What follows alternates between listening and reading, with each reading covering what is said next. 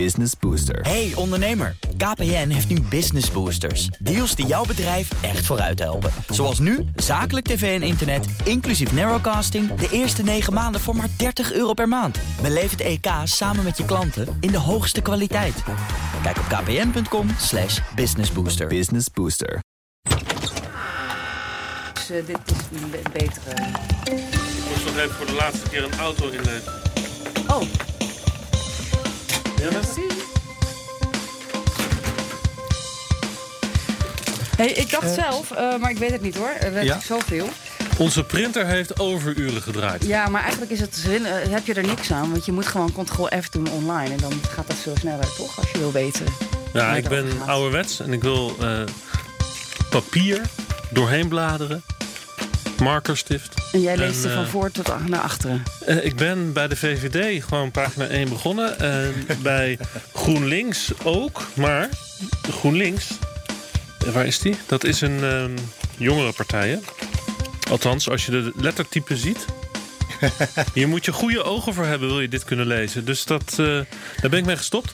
En eh, daarna ben ik ze eigenlijk van achter naar voren gaan lezen. Dat leest dan eigenlijk soms ook wel prettig. Doe ik met de krant ook altijd. Ik begin ook altijd achteraan. Wat levert dat op als je een partijprogramma achter tevoren leest? Eh, Nou, dan begin je volgens mij bij de rechtsstaat en de bladert lekkerder. migratie Ja, en het bladert eh, lekkerder. andere Dan kan je gewoon zo een beetje er doorheen. Oké. Even kijken, ik heb hier 1, 2, 3, 4, 5, Zeven. 6 verkiezingsprogramma's. En een eh, belastingplan van de ChristenUnie. Ik heb me eigenlijk vooral voorbereid op het, eh, het mogelijke kabinet van Nationale Eenheid. Eh, omdat we Dat zijn ze allemaal nodig, hè? vijf partijen Behalve of de SP, geloof hebben. ik. Ik heb de SP ook nog niet zo heel aandachtig gelezen. Ja. Want die valt toch snel in die... waar het op het Binnenhof over gaat. Hè? Die kabinetten van Nationale Eenheid. Daar valt de SP dan vaak een beetje buiten. Nee, maar we krijgen dus misschien, als je de peilingen nu dan ziet... dan krijgen we een historisch kabinet waarbij je dus en CDA en VVD... en misschien PvdA en GroenLinks allemaal En D66. op een hoop gooit. En dat is volgens mij eh, nog niet eerder voorgekomen. Ik las ergens dat ze daardoor een belachelijke hoeveelheid ministers nodig gaan hebben. Want eh, elke, minister, elke partij die wil toch eigenlijk wel minimaal twee ministers. Hè? Dus dat wordt een enorme. enorme Het is, ook, het is eigenlijk crisistijd. En dat hoort eigenlijk bij de crisistijd toch? Het kabinet van Nationale Eenheid. Ja? Dat na oorlogen of eh, tijdens oorlogen... Ja, is dat maar als we twee keer zoveel ministers nodig hebben straks, bij wijze van spreken, past dat allemaal in dat vak? Vak K? Nee, maar dat past nu al niet. Nee, dat is nu al. eh, bij de algemene beschouwingen dit jaar. eh dan mochten de staatssecretaris ook niet komen. Nee, dat is waar, maar dat is natuurlijk Vanwege vanwege, corona. corona nog. Maar als ze gewoon al die stoeltjes hebben, Oh, zo bedoel je. Nou, ze ze gaan- ze al in een kleinere toch? Ik weet eigenlijk niet, want ze gaan natuurlijk naar de Bezuidenhout. Ja. Naar de tijdelijke opvang. eh, Alles wat kleiner daar. Als we gaan, hè? Eerst nog Ah, even coronaproef maken. Ja. Nou, de sleuteloverdracht die zal eigenlijk vandaag zijn. Ariep zou vandaag de sleutels krijgen van haar eh, gerenoveerde pand. Maar, dat is uitgesteld. Ook, ook alweer uitgesteld. Ja, nee, want ze wachten nog op. eh we dwalen af, maar goed, het is wel leuk om even te benoemen.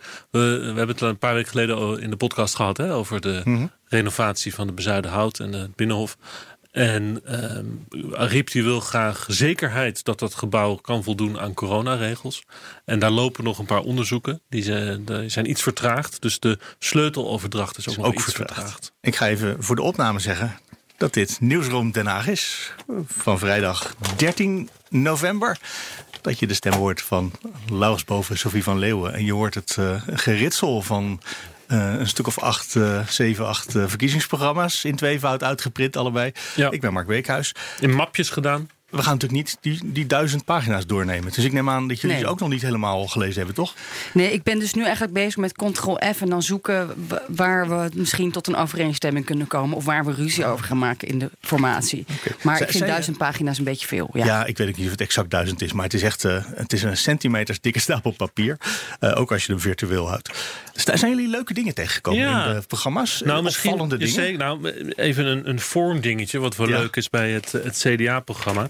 Daar hebben ze dan eh, af en toe, bij zo'n paragraaf, staat daar opeens een, een, een, een impressie van een zetel uit de Tweede Kamer voor een paragraaf. En dat betekent iets. Namelijk, eh, de, het CDA, kijk hier zie je het. De Tweede Huiskamer, dat is een grote opblaasbare eh, zetel van, de, van, zoals je ze ziet in de Tweede Kamer. Wacht. Ik heb, ze ook gezien. ik heb erop gezeten. Ja? want het- Oké. ze stonden bij de presentatie van het eh, verkiezingsprogramma stonden ze in het halletje van het CDA. Ik heb er even op gezeten, maar je glijdt er meteen weer uit. Want hij is zo groot dat, en het is hard Het opgepompt. is een groot opblaasding. opblaasding. ja. Dus je glijdt er meteen weer van af. Maar goed, ehm, de, de- dit, de Tweede Huiskamer heet dat. En wat het CDA heeft gedaan, is dat zij eh, dat je via de website van, de Tweede Kamer, van eh, de CDA kon je aanmelden. Ruim 2000 mensen hebben meegedacht en meer dan 18.000 ideeën ingestuurd. Nou, dus met zo'n stoeltje, dat betekent dit is een idee wat bij- van de precies. achterban komt. Ja, van, van iemand die dus een idee heeft eh, ingestuurd. Wat ja. leuk. En bijvoorbeeld, hè, dan, maar En goed, ik, dat ik brengt zie me dan. trouwens een beetje op het idee van eh, iets wat in het VVD-programma zit, waar nogal wat de, de, de wenkbrauwen worden opgetrokken in de wandelgangen. Die komen opeens met een raadgevend referendum. Ja, Een preferendum noemen ze het. Een preferendum, ja. Van préféré eigenlijk op zijn Frans. Aha. Of, of, Dat ja. hebben we net afgeschaft, Pre. eh, een jaar of twee geleden. We hebben natuurlijk het referendum afgeschaft, maar het raadgeven eh, referendum, ehm, dat wordt eigenlijk ook eh, over gesproken in het eh, rapport van Remkes, de staatscommissie die daar onderzoek naar heeft gedaan. En daarvan zegt Remkes juist, dat moet je absoluut niet doen. Want dan geef je mensen het, Ja, de wat indruk we hadden. Het, dat, ze is- invloed de- wij hebben. wilden daar vanaf. Nou, we, het land wilde daar vanaf, want dat gaf maar verkeerde beelden. Nou, ja, en, dan, ja. en dat voelt helemaal niet Ja. democratisch. Dan zeg je, we waren tegen. En nu gaan toch. jullie het toch doen. Ja, dat was en het, dat eh, wil de VVD. Dat was het Hmm. adviserend correctief referendum. Hè. Dat is afgeschaft. Aha. Dus ook een paar keer uitgevoerd. Hè. De beroemde natuurlijk dat Oekraïne-referendum... waar Thierry Baudet groot mee geworden is. Het probleem daarmee was inderdaad dat het volk dan nee zegt. Althans, het deel van het volk wat meedoet met die stemming. En eh, dat de Tweede Kamer dan vervolgens in een problemen zit. Want die hadden al ja gezegd. En eh, nou, uiteindelijk kreeg je dus die discussie over dat inlegvelletje. En, en wat is er nou uiteindelijk gedaan met die volksraadpleging feitelijk. Die discussie, daarom hebben ze het afgeschaft. Het correctieve raadgevend referendum. En nu zijn er eigenlijk twee smaakjes in de discussie op dit moment. Dat is een echt correctief referendum. Dus een bindend referendum. Dat is de ene. Dus en de het, Kamer zegt ja, het volk zegt nee, het volk krijgt gelijk. precies. Ja, dat willen trouwens heel veel partijen. Dat hè? willen Dus een aantal partijen, D66, precies. GroenLinks, SP. En, het- en de VVD brengt daar een nieuwe variant eh, in het spel. Namelijk een preferendum dus, vooraf. Dat is eigenlijk een vorm van volksraadpleging... voordat de Tweede Kamer gaat besluiten. Een vorm van inspraak dus eigenlijk. Ze zeggen van, er is al inspraak. Hè? Je hebt de We gaan pas stemmen na internetconsultatie. de uitslag. Ja, je hebt al internetconsultatie. Ja. Hè, dus als een wet wordt voorgesteld, dan wordt die gepubliceerd. Dan kan iedereen zijn mening daarover geven. Daarvan zegt de VVD, dat wordt eigenlijk alleen maar gebruikt door lobbygroepen. En we willen dat verbreden. En dan komt er dus de mogelijkheid van een, van een volksraadpleging voordat. En dan kan het parlement die input van de bevolking vervolgens gebruiken in de discussie. Hè, vanuit de gedachte dat het dan ook wat minder binair is. een Ja of nee. Maar dat er in de campagne rondom zo'n referendum allerlei argumenten worden geleverd. die ze dan kunnen betrekken bij de besluitvorming in de Tweede Kamer. Dat dikke rapport van Remkes trouwens, daarin wordt wel gezegd... eh, organiseer een bindend correctief referendum. Ja, hè? klopt. Dat is het advies voor de grote trouwens, je ziet heel veel terugkomen uit dat advies van Remkes van een paar jaar geleden. Eh, Een heel dik boek was dat. Ja. Hoge Dus, dus iedereen kan er ook wel iets in vinden. Nou, je ziet er heel veel van terug. Dat is heel interessant. Bij Eh, allerlei partijen, niet alleen de partijen. Ja, nee, bijvoorbeeld eh, eh, constitutionele toetsing aan de grondwet. Van, Dat rechters mogen kijken of de grondwet geschonden wordt of ja, niet. dat zie je bijvoorbeeld bij het CDA, maar dat zie je bij meer partijen terugkomen. Ehm, eh, ja, verandering van het, het CDA komt dan met regionaal kiesstelsel. Hè, maar de, Remkes heeft ook geadviseerd om op een andere manier te gaan stemmen. Wat zeker niet in Remkes zit, zeg ik even uit mijn hoofd, maar ik gok dat het niet zo is, is een belangrijk onderdeel, een verrassende paragraaf in het VVD-verkiezingsprogramma over de rechtsstaat. En dat is dat de VVD eigenlijk de macht, de invloed van rechters wil inperken. Dat is op het moment ook in de discussie. Hè. Er staan wat artikelen in de NRC eh, van de week over. Dat daar toch wel. rechters geen beleid mogen maken. Ja, en dat komt eigenlijk voort uit de irritatie rondom Urgenda.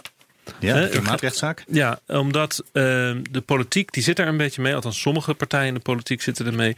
Dat eh, rechters op basis van bijvoorbeeld Europese verdragen. In dit geval het Europese Verdrag voor de Rechten van de Mens. ehm, ja, de, de, de, de bestaande wetgeving gaan eh, beoordelen. Is het in lijn? Hè? Of houdt, de, wet, houdt de, de staat zich wel aan zijn eigen regels? En Bijvoorbeeld daar veel de VVD niet mee geconf- Nee, de geconfronteerd de worden. argumentatie bij, de, bij Urgenda was dat ehm, de staat heeft gezegd van we gaan CO2 reduceren. Ehm, en dat is ook belangrijk om de burgers te beschermen tegen de gevolgen van klimaatverandering. Nou, en het eh, beschermen van de, tegen die gevolgen, dat kan je interpreteren als een mensenrecht.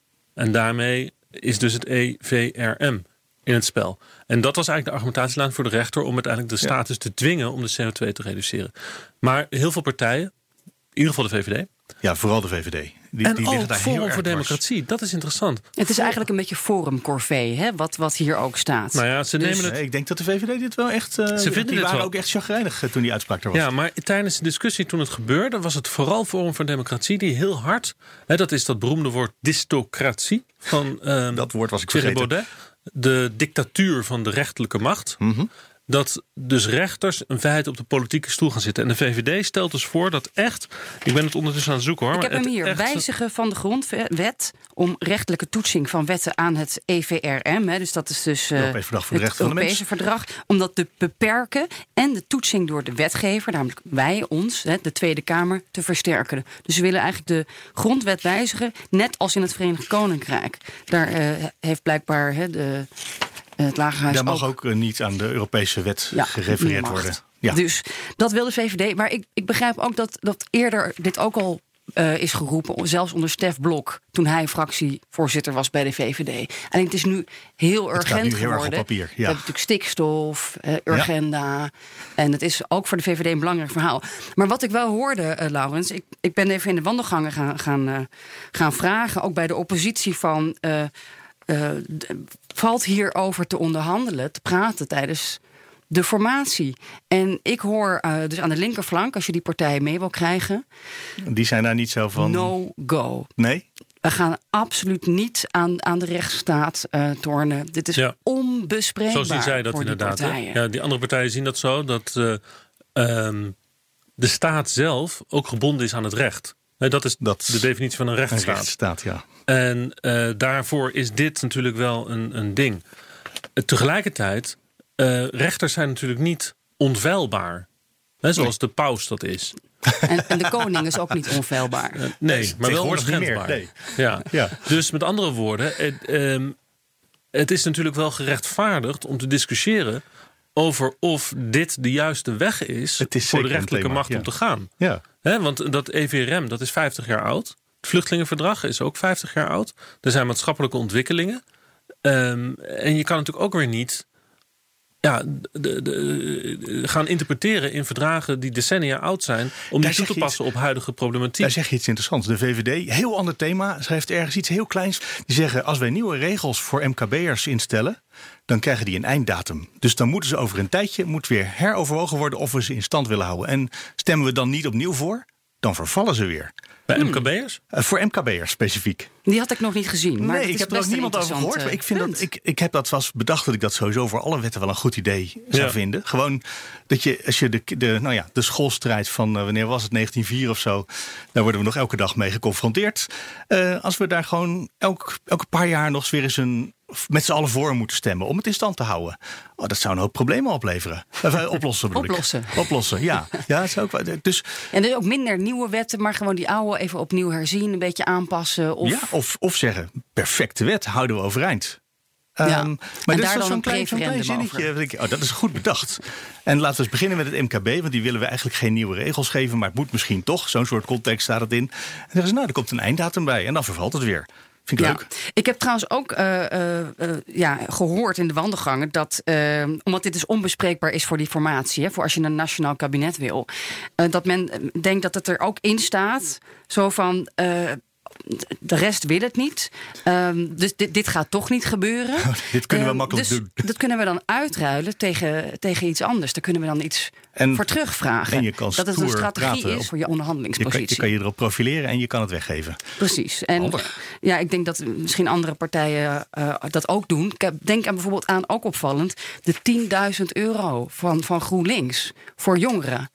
Als je van school eh, komt en gaat studeren. is ook in de categorie, gewoon in gaat het het niet programma. worden? Gaat het absoluut niet worden. Maar ja, je kunt je erop profileren. En misschien kun je hem weggeven en zeg je, ja, dan wil ik wel daar Nou, het is terug. wel, kijk, inderdaad. in- Dus Zo'n eigenlijk een soort cadeautje weggeven. Ja, Ja, dat is nou, lekker gratis, Het toch? is ook iets anders natuurlijk. Hè? Het is een, ehm, zij zeggen daarmee van er moet iets gebeuren voor jongeren.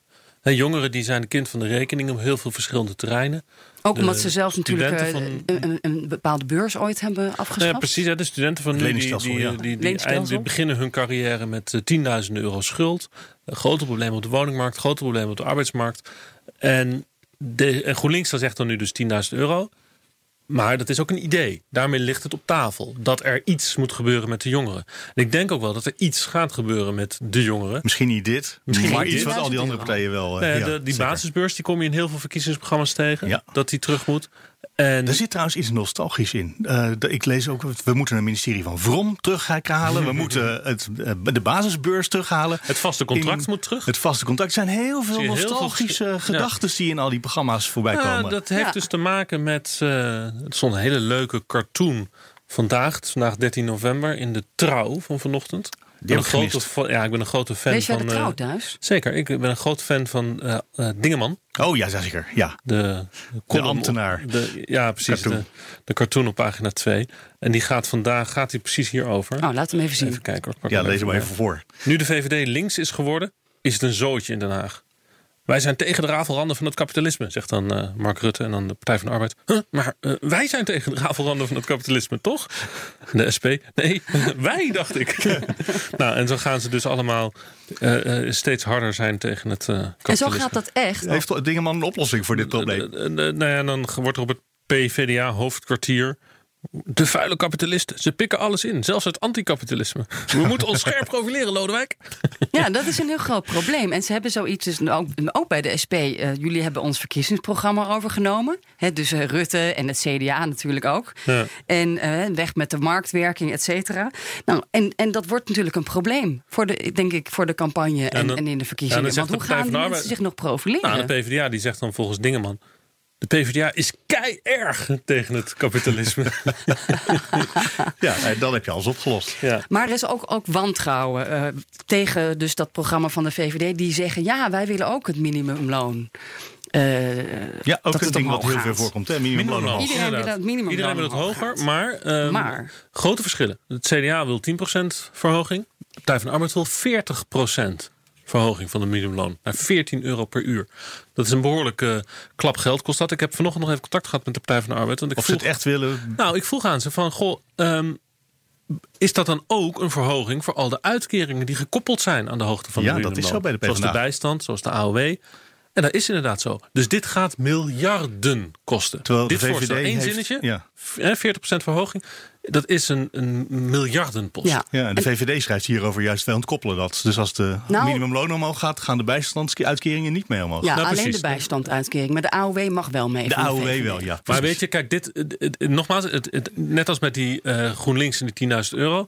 Wat belangrijk is, is dat het in alle programma's staat. Ja. En vervolgens is het probleem dus gereduceerd niet tot een principiële kwestie, behalve dan die koppeling, Ja. maar tot een financiële kwestie. En dan, hè, als je een probleem kan reduceren tot geld, Dan kan je het dan kan je uitrekenen. het oplossen. Ja. Dus dit wordt gewoon een onderhandeling. Het wordt niet 14 euro per uur, het wordt niet 11 euro per uur, maar 12,5. Hm? Ja. En dan met een halve koppeling. Er is veel consensus eh, op de formatietafel voor 10%. Ook bij D66 en de ChristenUnie zeggen ze 10% meer minimumloon. VVD eh, plakt er geen bedrag aan. Maar eh, ja, er wordt dus ook gezegd in de oppositie... pas op, want als we met die toeslagen gaan, gaan schuiven... en hè, mensen krijgen minder toeslagen... dan, ja, dan Ja. heb je eigenlijk sowieso een hoger minimumloon Het toeslagenstelsel gaat dus eraan. wat, wat, wat winnen die mensen daar nou eigenlijk mee? Ja. Worden ze op papier wel rijker? Toeslagen- Die toeslagen, dat is net alle partijen willen eraf, hè? Ja, en dan zie je verschillende varianten. Bij de ene partij wordt het dan een soort eh, basisinkomenconstructie. En eh, bij de andere partij gaat het over eh, kinderopvang bijvoorbeeld direct betalen. Dat is dan een minst Ja. ingewikkelde oplossing. Direct betalen aan de instelling. En dan een kleine eigen bijdrage van de, van de ouders van een kind. De, Ja. maar, dus Eigenlijk willen ze maken, allemaal ja. van die kinderopvangtoeslag maar af. ook de huurtoeslag, hè? gaat gratis worden ongeveer. Ook de huurtoeslag. Nou. Eh, daarvan, jawel, daarvoor zie je dus voorstellen. Ik ben even een, precies de partij kwijt die dat voorstelt. Maar je ziet voorstellen op tafel liggen om ehm, inkomensafhankelijke huren te gaan heffen. Hè, dus dan heb je niet meer een toeslaggenstelsel. Maar dan, dan berekent dus de woningbouwcorporatie, daar gaat het natuurlijk om, ehm, jouw huur op basis van jouw inkomen. Dat is ook inge- dat is minder ingewikkeld natuurlijk? Ja. in ieder geval voor de Belastingdienst. En eh, trouwens, daarvan, je ziet dus op heel veel punten, dus bijvoorbeeld bij de sociale zekerheid en bij de inkomenspolitiek en bij ehm, arbeidsmarkt in het algemeen over vaste contracten en ZZP-discussies, zie je dus een, een trend richting eh, meer zekerheid en meer financiële ruimte voor burgers. Ook bij wonen zie je dat. Hè, dat daar dus een. Ja, ik kom op verschillende eh, programma's tegen dat we een miljoen huizen gaan bouwen. Nou, bijvoorbeeld, maar. Het getal ook alleen al is het zit hem dan, hetzelfde. het zit Dat hem gaan we niet halen, denk ik. Maar het zit, hem dan een beetje, het zit hem dan een beetje in de details. Want dan bijvoorbeeld wat de VVD dan voorstelt over dat wonen, is een. eh wonen, waar sta je? Je moet hem toch even digitaal, hè, Ctrl-F eh, doen. Pagina volgende keer. 77. Gaat een stuk sneller. Ja, maar daar heb ik mijn markertjes niet. Hier. Een driejaarlijkse inkomenstoets voor bewoners van sociale huurwoningen om te kijken of een huurder nog recht heeft op een sociale huurwoning. Een huurder met een te hoog inkomen heeft twee jaar de tijd om een alternatieve woning te vinden. Dat is vrij radicaal. Nou, Dat is zeer radicaal. En dat zal. eh, denk eh, aan de scheefwoners. Dat is natuurlijk een heel groot Ja, probleem. dus je hebt zeg maar, iedereen ziet dit probleem van scheefwonen. En wat de VVD dus doet, zo zullen de linkse partijen dat zeggen. Dit is dus het neerleggen van het probleem bij de huurders. En het afbreken van rechten voor gewone mensen. En want een woning, eh, dat is een soort van grondrecht in Nederland. Ja, En als je ergens woont, eh, dan kan je niet zomaar je huis uitgezet worden. En dat stellen ze nu dus voor. Dat jouw, eh, te- jouw vaste huurcontract dus in feite onder voorbehoud is van je inkomen. En dat het opgezegd kan worden. ja, terwijl bij de PvdA willen ze juist de flexcontracten die pas zijn ingevoerd terugdraaien. Dus die denken de hele andere kant uit. Ik Ja. heb het gevoel dat we met die huren daar niet uit gaan komen bij de formatie. Wel met de kinderopvang, maar de huren wordt een lastige. Ik kwam, nog, trouwens- ik kwam nog een heel mooi dingetje tegen bij, eh, volgens mij was het de PvdA. Die zei, we gaan een bouwgarantie van de overheid invoeren. Als een project er is, dan garandeert de overheid 70% van de huizen te koop als het nodig is. Want met dat bedrag kan je namelijk als ondernemer kan je eh, geld bij de bank halen. Dat is de, de limiet die je kennelijk nodig hebt. Dus daarmee kunnen projecten gewoon beginnen. Of er nou eh, verhuurders of kopers zijn, of, eh, of nou huurders of kopers zijn, maakt allemaal niet uit. Wie stelt dat voor? Volgens mij was dat de PvdA waar ik dat las. En die schreven daar ook bij dat ze vinden dat de uitstoot van stikstof bijvoorbeeld, die nog wel eens in de weg ligt, dat die in eerste instantie naar huizen gaat. En niet naar industrie en vooral niet naar wegen. Nou, dat komt dus niet bij de VVD vandaan. Ja, Ehm, maar dat is ook dat je denkt, ja, oké, we hebben dus die uitstoot. We hebben een kleine. We kunnen iets doen. Wat gaan we doen? We gaan wegen aanleggen of we gaan huizen bouwen. Nou, huizen hebben we op het ogenblik nodig. Ja, oké. Het is een heel simpel klein dingetje waar je even aan een knopje kan draaien. En dat zal vast helpen. ja. Ja, mogelijk wel. En natuurlijk de verhuurdersheffingen, dat is ook een groot oh ja, punt. het geld die van de moet er ook aan. corporaties. eh, Daar komt de 2 ook miljard per jaar. Hè? Ja, wat is Consensus het? over. Kijk, wat ik dus interessant vind, is dat dus eh oppervlakkig gezien er dus die ruk naar links is. Of midden in ieder geval. Midden. En dus het kabinet. wat- Centrum links. Sofieder, eh kabinet van Nationale Eenheid, dat zal dus best een middenkabinet zijn. Ehm, wat, wat dus een hoop neoliberaliseringsprocessen van de afgelopen decennia wil gaan stoppen of her en der terugdraaien. Maar dat, dat is zeg maar oppervlakkig gezien. Kijk je dan een laag dieper, dan kom je dus vervolgens in de uitwerking op heel veel ehm, meningsverschillen over Ja. hoe dat dan moet gebeuren.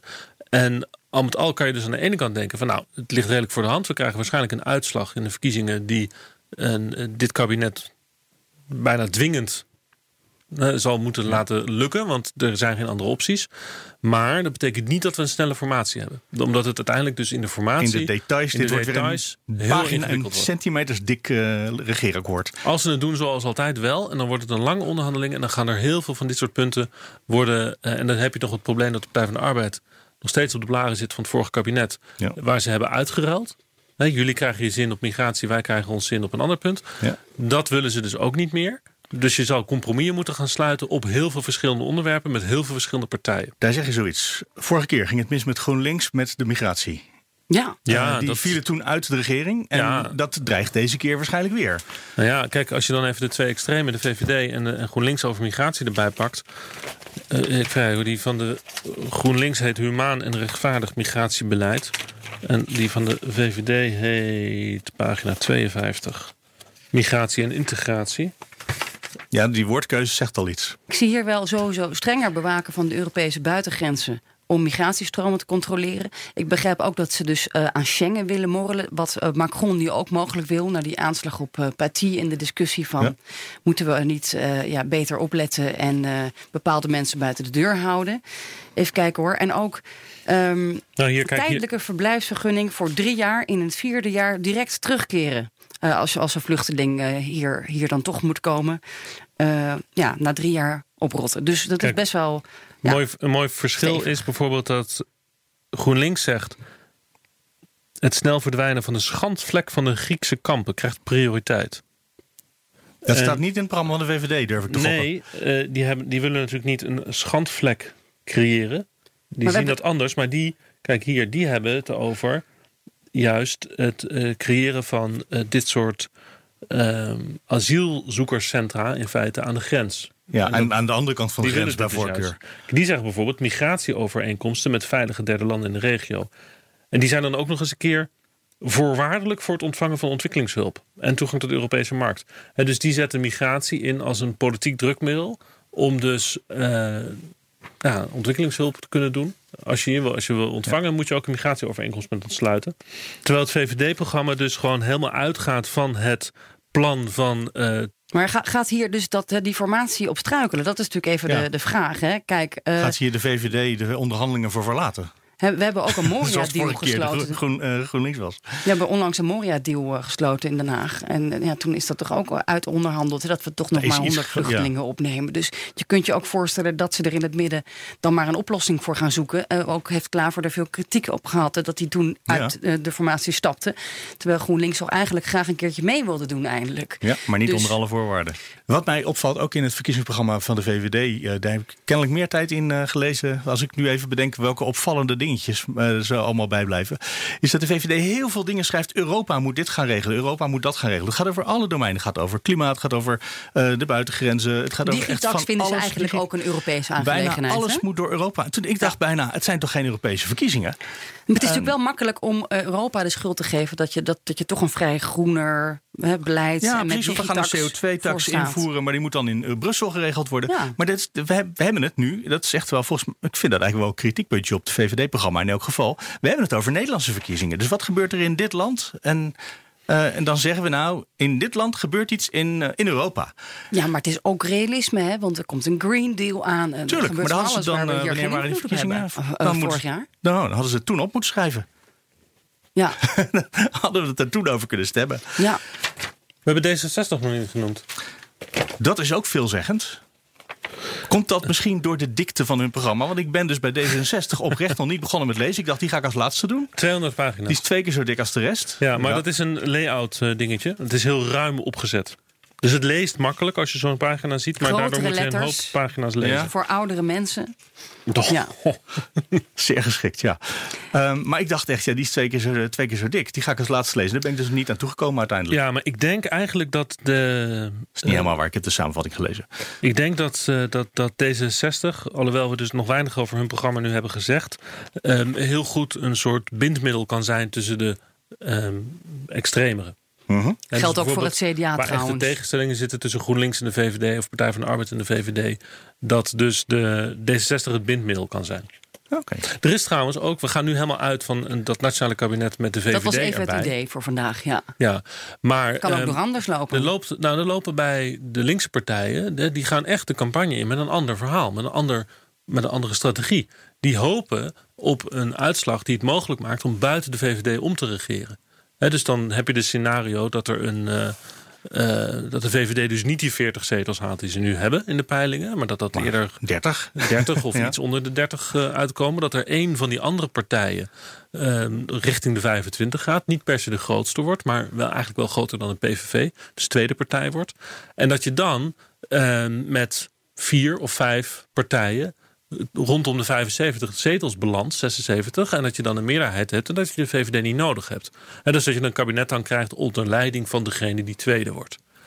Of dat de Partij van de Dan gelden natuurlijk alle D66, domeinen en de richtingen die we bespreken, die gelden nog steeds. Maar de uitvoering, welke, wat, hoe de maatregelen precies gaan worden, Nou, het wordt wel makkelijker dan. Dat is waar. Dan hoeft het niet zo lang te duren. Want Als, hè, als, want meestal in Nederland, wat zeg ik, bijna nooit in Nederland is er echt een meerderheid links in de Kamer. Want de VVD rukt dus wel ehm, sociaal-economisch wat naar de, de meer progressieve kant. Ja, maar Weg cultureel van de niet. neoliberale. Maar op, nee, cultureel en, en rechtsstatelijk, migratie, dat soort onderwerpen allemaal niet. Dus dat, is, eh, dat wordt een ingewikkeld onderdeel van de migratie. En daar, daar, daar kan je wat makkelijker mee omgaan zonder de VVD in de formatie. Ik heb het de hele week al over de arbeidsmarkt. Hè, dat het eigenlijk allemaal anders moet en dat we dat moeten hervormen. volgens eh, het rapport van Borslap. Nou, En dat het eigenlijk alleen maar, volgens Borslap, kan als we ook het ontslagrecht gaan versoepelen. staat dat in alle verkiezingsprogramma's? Nee, dat staat eigenlijk bij de VVD. Maar verder bovenaan. niet? Maar eh, de rest wil er eigenlijk niet aan. Dus eh, Nou, ik vraag D66 me toch wel? af. D66 ook niet? Nou, er zijn ook bijvoorbeeld eh, partijen die dat een beetje in het midden laten. Hè, die middenpartijen, die, die, denk ik, die kunnen daar misschien wel eh, met de VVD meegaan. Maar ehm, eh, we stralen dat niet uit naar hun kiezers. Van we gaan even tijdens de coronacrisis het ontslagrecht versoepelen. Daar gaan ze niet mee paraderen. Dus ik. Ik heb gisteren ook wel gevraagd van, goh, ehm, ook bij de linkse oppositie... misschien kunnen we dan die rechtsstaat, kun je als VVD uitruilen... tegen het ontslagrecht versoepelen. Dat zou natuurlijk een hele mooie deal zijn. En daar ga je dan heel lang over onderhandelen in de formatie... want het ligt erg gevoelig. Allebei ligt dat heel gevoelig. Ja. Zowel het ontslagrecht als het eh, eventueel eh, vers- ja, het veranderen van de rol van de rechters. Als ik niet mag zeggen dat we de rechtsstaat afschaffen. Ja, het ligt allemaal gevoelig. Dus het zou ook, ja, misschien modderen we door en, en wordt het allemaal net niks. Hè, wordt het een, of een soort van Moria-deal. Maar dat is iets wat de VVD dus heel graag wil. eh, en wat een probleem gaat worden eh, op die arbeidsmarkt. Verder is, het, is er consensus over meer vaste contracten.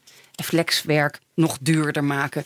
Daar zijn we het allemaal wel over eens. Ja, wat je Of veel gaat lukken hè, in de coronacrisis is een tweede. Wat je veel ziet is dat er eigenlijk die verschillen moeten worden opgeheven. hè. Dat bijvoorbeeld ook pensioenopbouw en WW-rechten en al dat soort zaken... die worden gekoppeld aan eh, of je werkt en niet aan de vorm van je contract. Dus zo wordt er ook gezocht naar dus, ehm, manieren om, om dat stelsel dus aan te passen aan hoe de moderne arbeidsmarkt in de, in de praktijk functioneert. Ja. Het geinige is wel, de, de wet DBA, hè, dat is die, die ZZP-situatie die nu al jaren voortduurt. Dat Die er eigenlijk ook volgend jaar Ja, niet wordt voor de De gehandhaafd. strijd- wet is die ja. niet weer toegepast. de, de schijnzelfstandigheid wordt niet, niet bestreden op dit moment. Dat is, dit kabinet zou dat oplossen. is niet gelukt. Hè. Dat wordt dus doorgeschoven naar het vorige volgende kabinet. En eh, er komt nogal wat hervormingen op ons af. Als dit allemaal wat hier... Hè, toeslagen, eh, de arbeidsmarkt dat nog steeds blijft liggen. Woningmarkt, ontzettend veel hervormingen. En je ziet dus ook dat het niet lukt binnen één kabinetsperiode... om zo'n eh, die ZZP-problemen op te lossen. Dus gaan, hoe, nemen ze niet erg veel hooi op de vork. Nou ja. Eén dingetje is misschien zeker. wel... Eén dingetje is wel gunstig. En dat is dat je eigenlijk in al die verkiezingsprogramma's ziet... we gaan niet bezuinigen. Dus de, eh, de, die, die Zelfs de coronamiljarden... VVD schrijft dat expliciet. We gaan Ja. niet bezuinigen. De Het is wel heel coronamiljarden erg die, duur eh, allemaal, inderdaad, wat hier staat. Maar het moet nog worden doorgerekend, hè? Door ja, het maar de, het dus punt is het dat, kan, de, het punt is dat de coronamiljarden die geleend zijn nu om ons door deze crisis te helpen dit jaar, dat die niet al in de volgende kabinetsperiode moeten worden terugbetaald. Dus ze accepteren een hogere staatsschuld en investeren uit de crisis. Dat is eigenlijk ook wat je in al die programma's ziet. Dus dat probleem hebben ze niet. Wel hoop gehervormd. Ja, en ik hoor ook achter de schermen dat die hervormingen zeker niet binnen één kabinetsperiode gaan plaatsvinden. Maar dat dat misschien wel tien jaar of Ja. meerdere kabinetten gaat duren. Net als het aflossen van de staatsschuld trouwens. Dus het wordt misschien ook een beetje een, een tussenkabinet. Een crisiskabinet. Nog steeds, ja. Denk je trouwens dat er nog een, een mogelijkheid is dat we weer gewoon eh, dit kabinet nog een keer krijgen? Dus dat ze doorgaan met de ChristenUnie voor een tweede ronde? Nou, dat is niet eh, genoeg voor een meerderheid. Dat gaan we absoluut niet redden. Nee. Met de huidige peilingen, nee. Nee, de huidige peilingen niet. Maar ik denk dat oh, dat zeker ja, nog daar een, kan nog van alles gebeuren. een, een optie is. Kijk, optie dit, dit is een kabinet waarvan ze altijd zeggen zelf... er zijn ongelooflijk veel interne discussies. Maar het is ook een kabinet wat redelijk heeft gefunctioneerd, denk ik. Eh, voor de coronacrisis. eh, met het primaat bij de fracties. Hè. De fracties. Mhm. Het is natuurlijk ook qua democratische controle allemaal niet zo ideaal. Want het is achter gesloten deuren dat de fracties zeg maar, de plooien gladstrijken. Het kabinet vervolgens de compromissen afhamert. En zo functioneert het kabinet. Nu dat het, die situatie omgedraaid is in de coronacrisis, waar de fracties eigenlijk nauwelijks betrokken zijn bij de coronamaatregelen, zie je dat er continu spanningen ontstaan. Rondom bijvoorbeeld dat hele gedoe vorige week rondom de avondklok. Waar er dus besluiten komen uit het kabinet waar de fracties het echt niet mee eens zijn. En het, dus dit kabinet kan doorfunctioneren, maar dan, dan hangt het wel op dat management en de managementkwaliteiten van Rutte, of die dan de kikkers binnen het boord houdt. Ja, Natuurlijk een van de grote lessen van dit kabinet is dat we allemaal verwacht hadden. Dat de tegenstelling zou zijn ChristenUnie, hè, liberale partijen tegenover christelijke nou, dat is partijen. niet gebeurd. En dat dat eigenlijk, die zijn er wel af en toe geweest, maar de grote conflicten die zaten eerder eh, progressief, D66, ChristenUnie versus CDA, VVD. Nou, ja, van de week eventjes met eh, Slop ging het anders. Maar eh ging meestal, dat was de uitzondering in het project. Ja. Ja. ja. Zullen we nog één leuk dingetje als laatste doen? Hoeveel kerncentrales gaan we bouwen? Volgens de Partij van de Arbeid geen één. En gaan we ze ook eh, gaan we borsten sluiten. Volgens de VVD. ehm, Eentje, dacht ik. nou, Of in ieder geval, eh, daar staan we voor open. we staan ervoor open. Dat is eigenlijk staand beleid. Ja. Het is in Nederland niet verboden om kerncentrales te bouwen. Dus het loket is open. Dat is wat het kabinet Ja. altijd zegt. Het CDA gaat er twee bouwen. Heb je dat gezien? Dat heb ik gezien net. Staatskerncentrales? Nee, Eh, ja, ja, ja de- dat is de vorm, dat weet ik niet. Ja. Maar twee, twee centrales en borstelen langer open ook inderdaad. Ja. Oké. Wat eh, denk ik nog wel tot heel veel discussie gaat eh, leiden in het land. Ja, Eh, omdat maar, dat een, eh, een, een emotioneel ding is. ja, maar inderdaad voor de achterban van het CDA een hele mooie oplossing natuurlijk. Ja. Toch als jij op het platteland woont of je bent boer of je hebt een, eh, een vieze auto. Er zit een verschuiving in het debat. Heb je nog een oplossing? Ja, er zit een verschuiving in het debat over de kerncentrales vanwege de klimaatdiscussie natuurlijk. Maar eh, de Partij van de Arbeid die, die staat nog steeds op het standpunt van het is niet duurzaam en het is gevaarlijk. Ik denk dat we daar ook niet uit gaan komen met de formatie, die kerncentrale. Oké, nou dan houden we het daar hangend. Le- Moeten we het over boeren hebben? Of... Ik heb niet iets over de boeren Nee, gelezen eigenlijk. Jij wel het ja, ik heb, uitkopen toch, van ik de heb dan toch het VVD-programma kennelijk het beste gelezen. Ja, dat- en het, Ik zal je vertellen waar dat aan ligt. Het VVD-programma is gewoon een heel goed geschreven tekst. aha. Waarin eh, op het goede ogenblik bullet points staan. En voor het goede punt staan daar lopende teksten. Het is En- natuurlijk ook gewoon de belangrijkste, want het is de, immers de partij van Het de is de grootste partij. Ja, ook dat zal ook je aandacht hebben gegeven. Maar ik denk ook gewoon dat het, je het, dat het beter aankomt. Omdat het gewoon prettiger en beter geschreven is. Ja, Eh, wat mij opviel bij de VVD over de boeren, is dat eh, de boeren. Kijk, dat is toch wel hier. Vermindering van schadelijke emissies voor de omgeving en de natuur als gevolg van veeteelt. Inkrimping van de veestapel is niet het doel. Dus we voorkomen inkrimping via de achterdeur. Bijvoorbeeld door een generieke inperking van fosfaat en dierrechten. Financiële ondersteuning van boeren wanneer ze investeren, bladibla. Ja. Dus ehm, En dat is eigenlijk iets wat het CDA ook ongeveer schrijft. Eh, De boerensector moet zelf uit- uitmaken hoe ze het op gaan lossen. Ze krijgen wel doelen. Ja. ja, dus als je nou even die hele gepolariseerde discussie van vorig jaar nog in, voor de geest haalt over de stikstof, dan eh, die houden we, die discussie. Maar eh, de politiek blijft op de lijn zitten dat de boeren hun stikstofuitstoot moeten beperken. Zelfs de VVD. Als je nou die hele stapels papier doorworstelt. Het is echt heel veel werk. Eh, dus ik denk niet dat heel veel mensen dit gaan doen. Buiten deze studio. Krijg je zin in de verkiezingen hiervan? Nee, ik heb er wel zin in. Ja, Ja? Ja ik heb er ontzettend. Het zijn ook mijn eerste verkiezingen in Den Haag. Dus ik weet sowieso niet Ja. wat me te wachten staat. En, ehm Ja, en Laurens Laurens weet het wel niet wat hij te verwachten staat. Want die is niet meer hier. Ik ben niet meer bij BNR dan. Nee, Nee, misschien als politiek verslaggever ergens anders. Maar misschien word je ook wel iets heel anders. Hè? ik heb eigenlijk wel zin in de formatie. Niet Als, zozeer eh, in de verkiezingen. Als maar- staatssecretaris van wat? Nou, kijk, die, die programma's die zijn natuurlijk eigenlijk niet geschreven voor de verkiezingen. Die zijn niet geschreven voor de bevolking om ze allemaal te lezen. Er komen nog, nog eh, korte versies en er komt een stemwijzer en zo en dat soort dingen. Dat is dan voor meer voor de kiezers.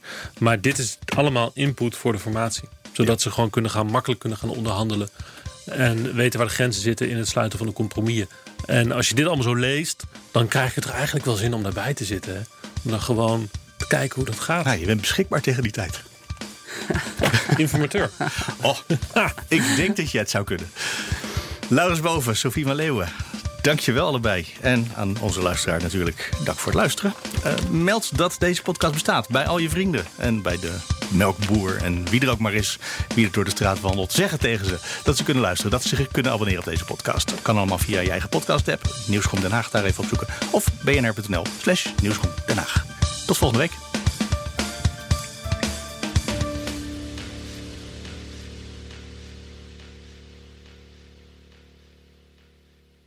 Business Booster. Hey ondernemer, KPN heeft nu Business Boosters. Deals die jouw bedrijf echt vooruit helpen. Zoals nu, zakelijk tv en internet, inclusief narrowcasting... de eerste 9 maanden voor maar 30 euro per maand. Beleef het EK samen met je klanten in de hoogste kwaliteit. Kijk op kpn.com slash businessbooster. Business Booster.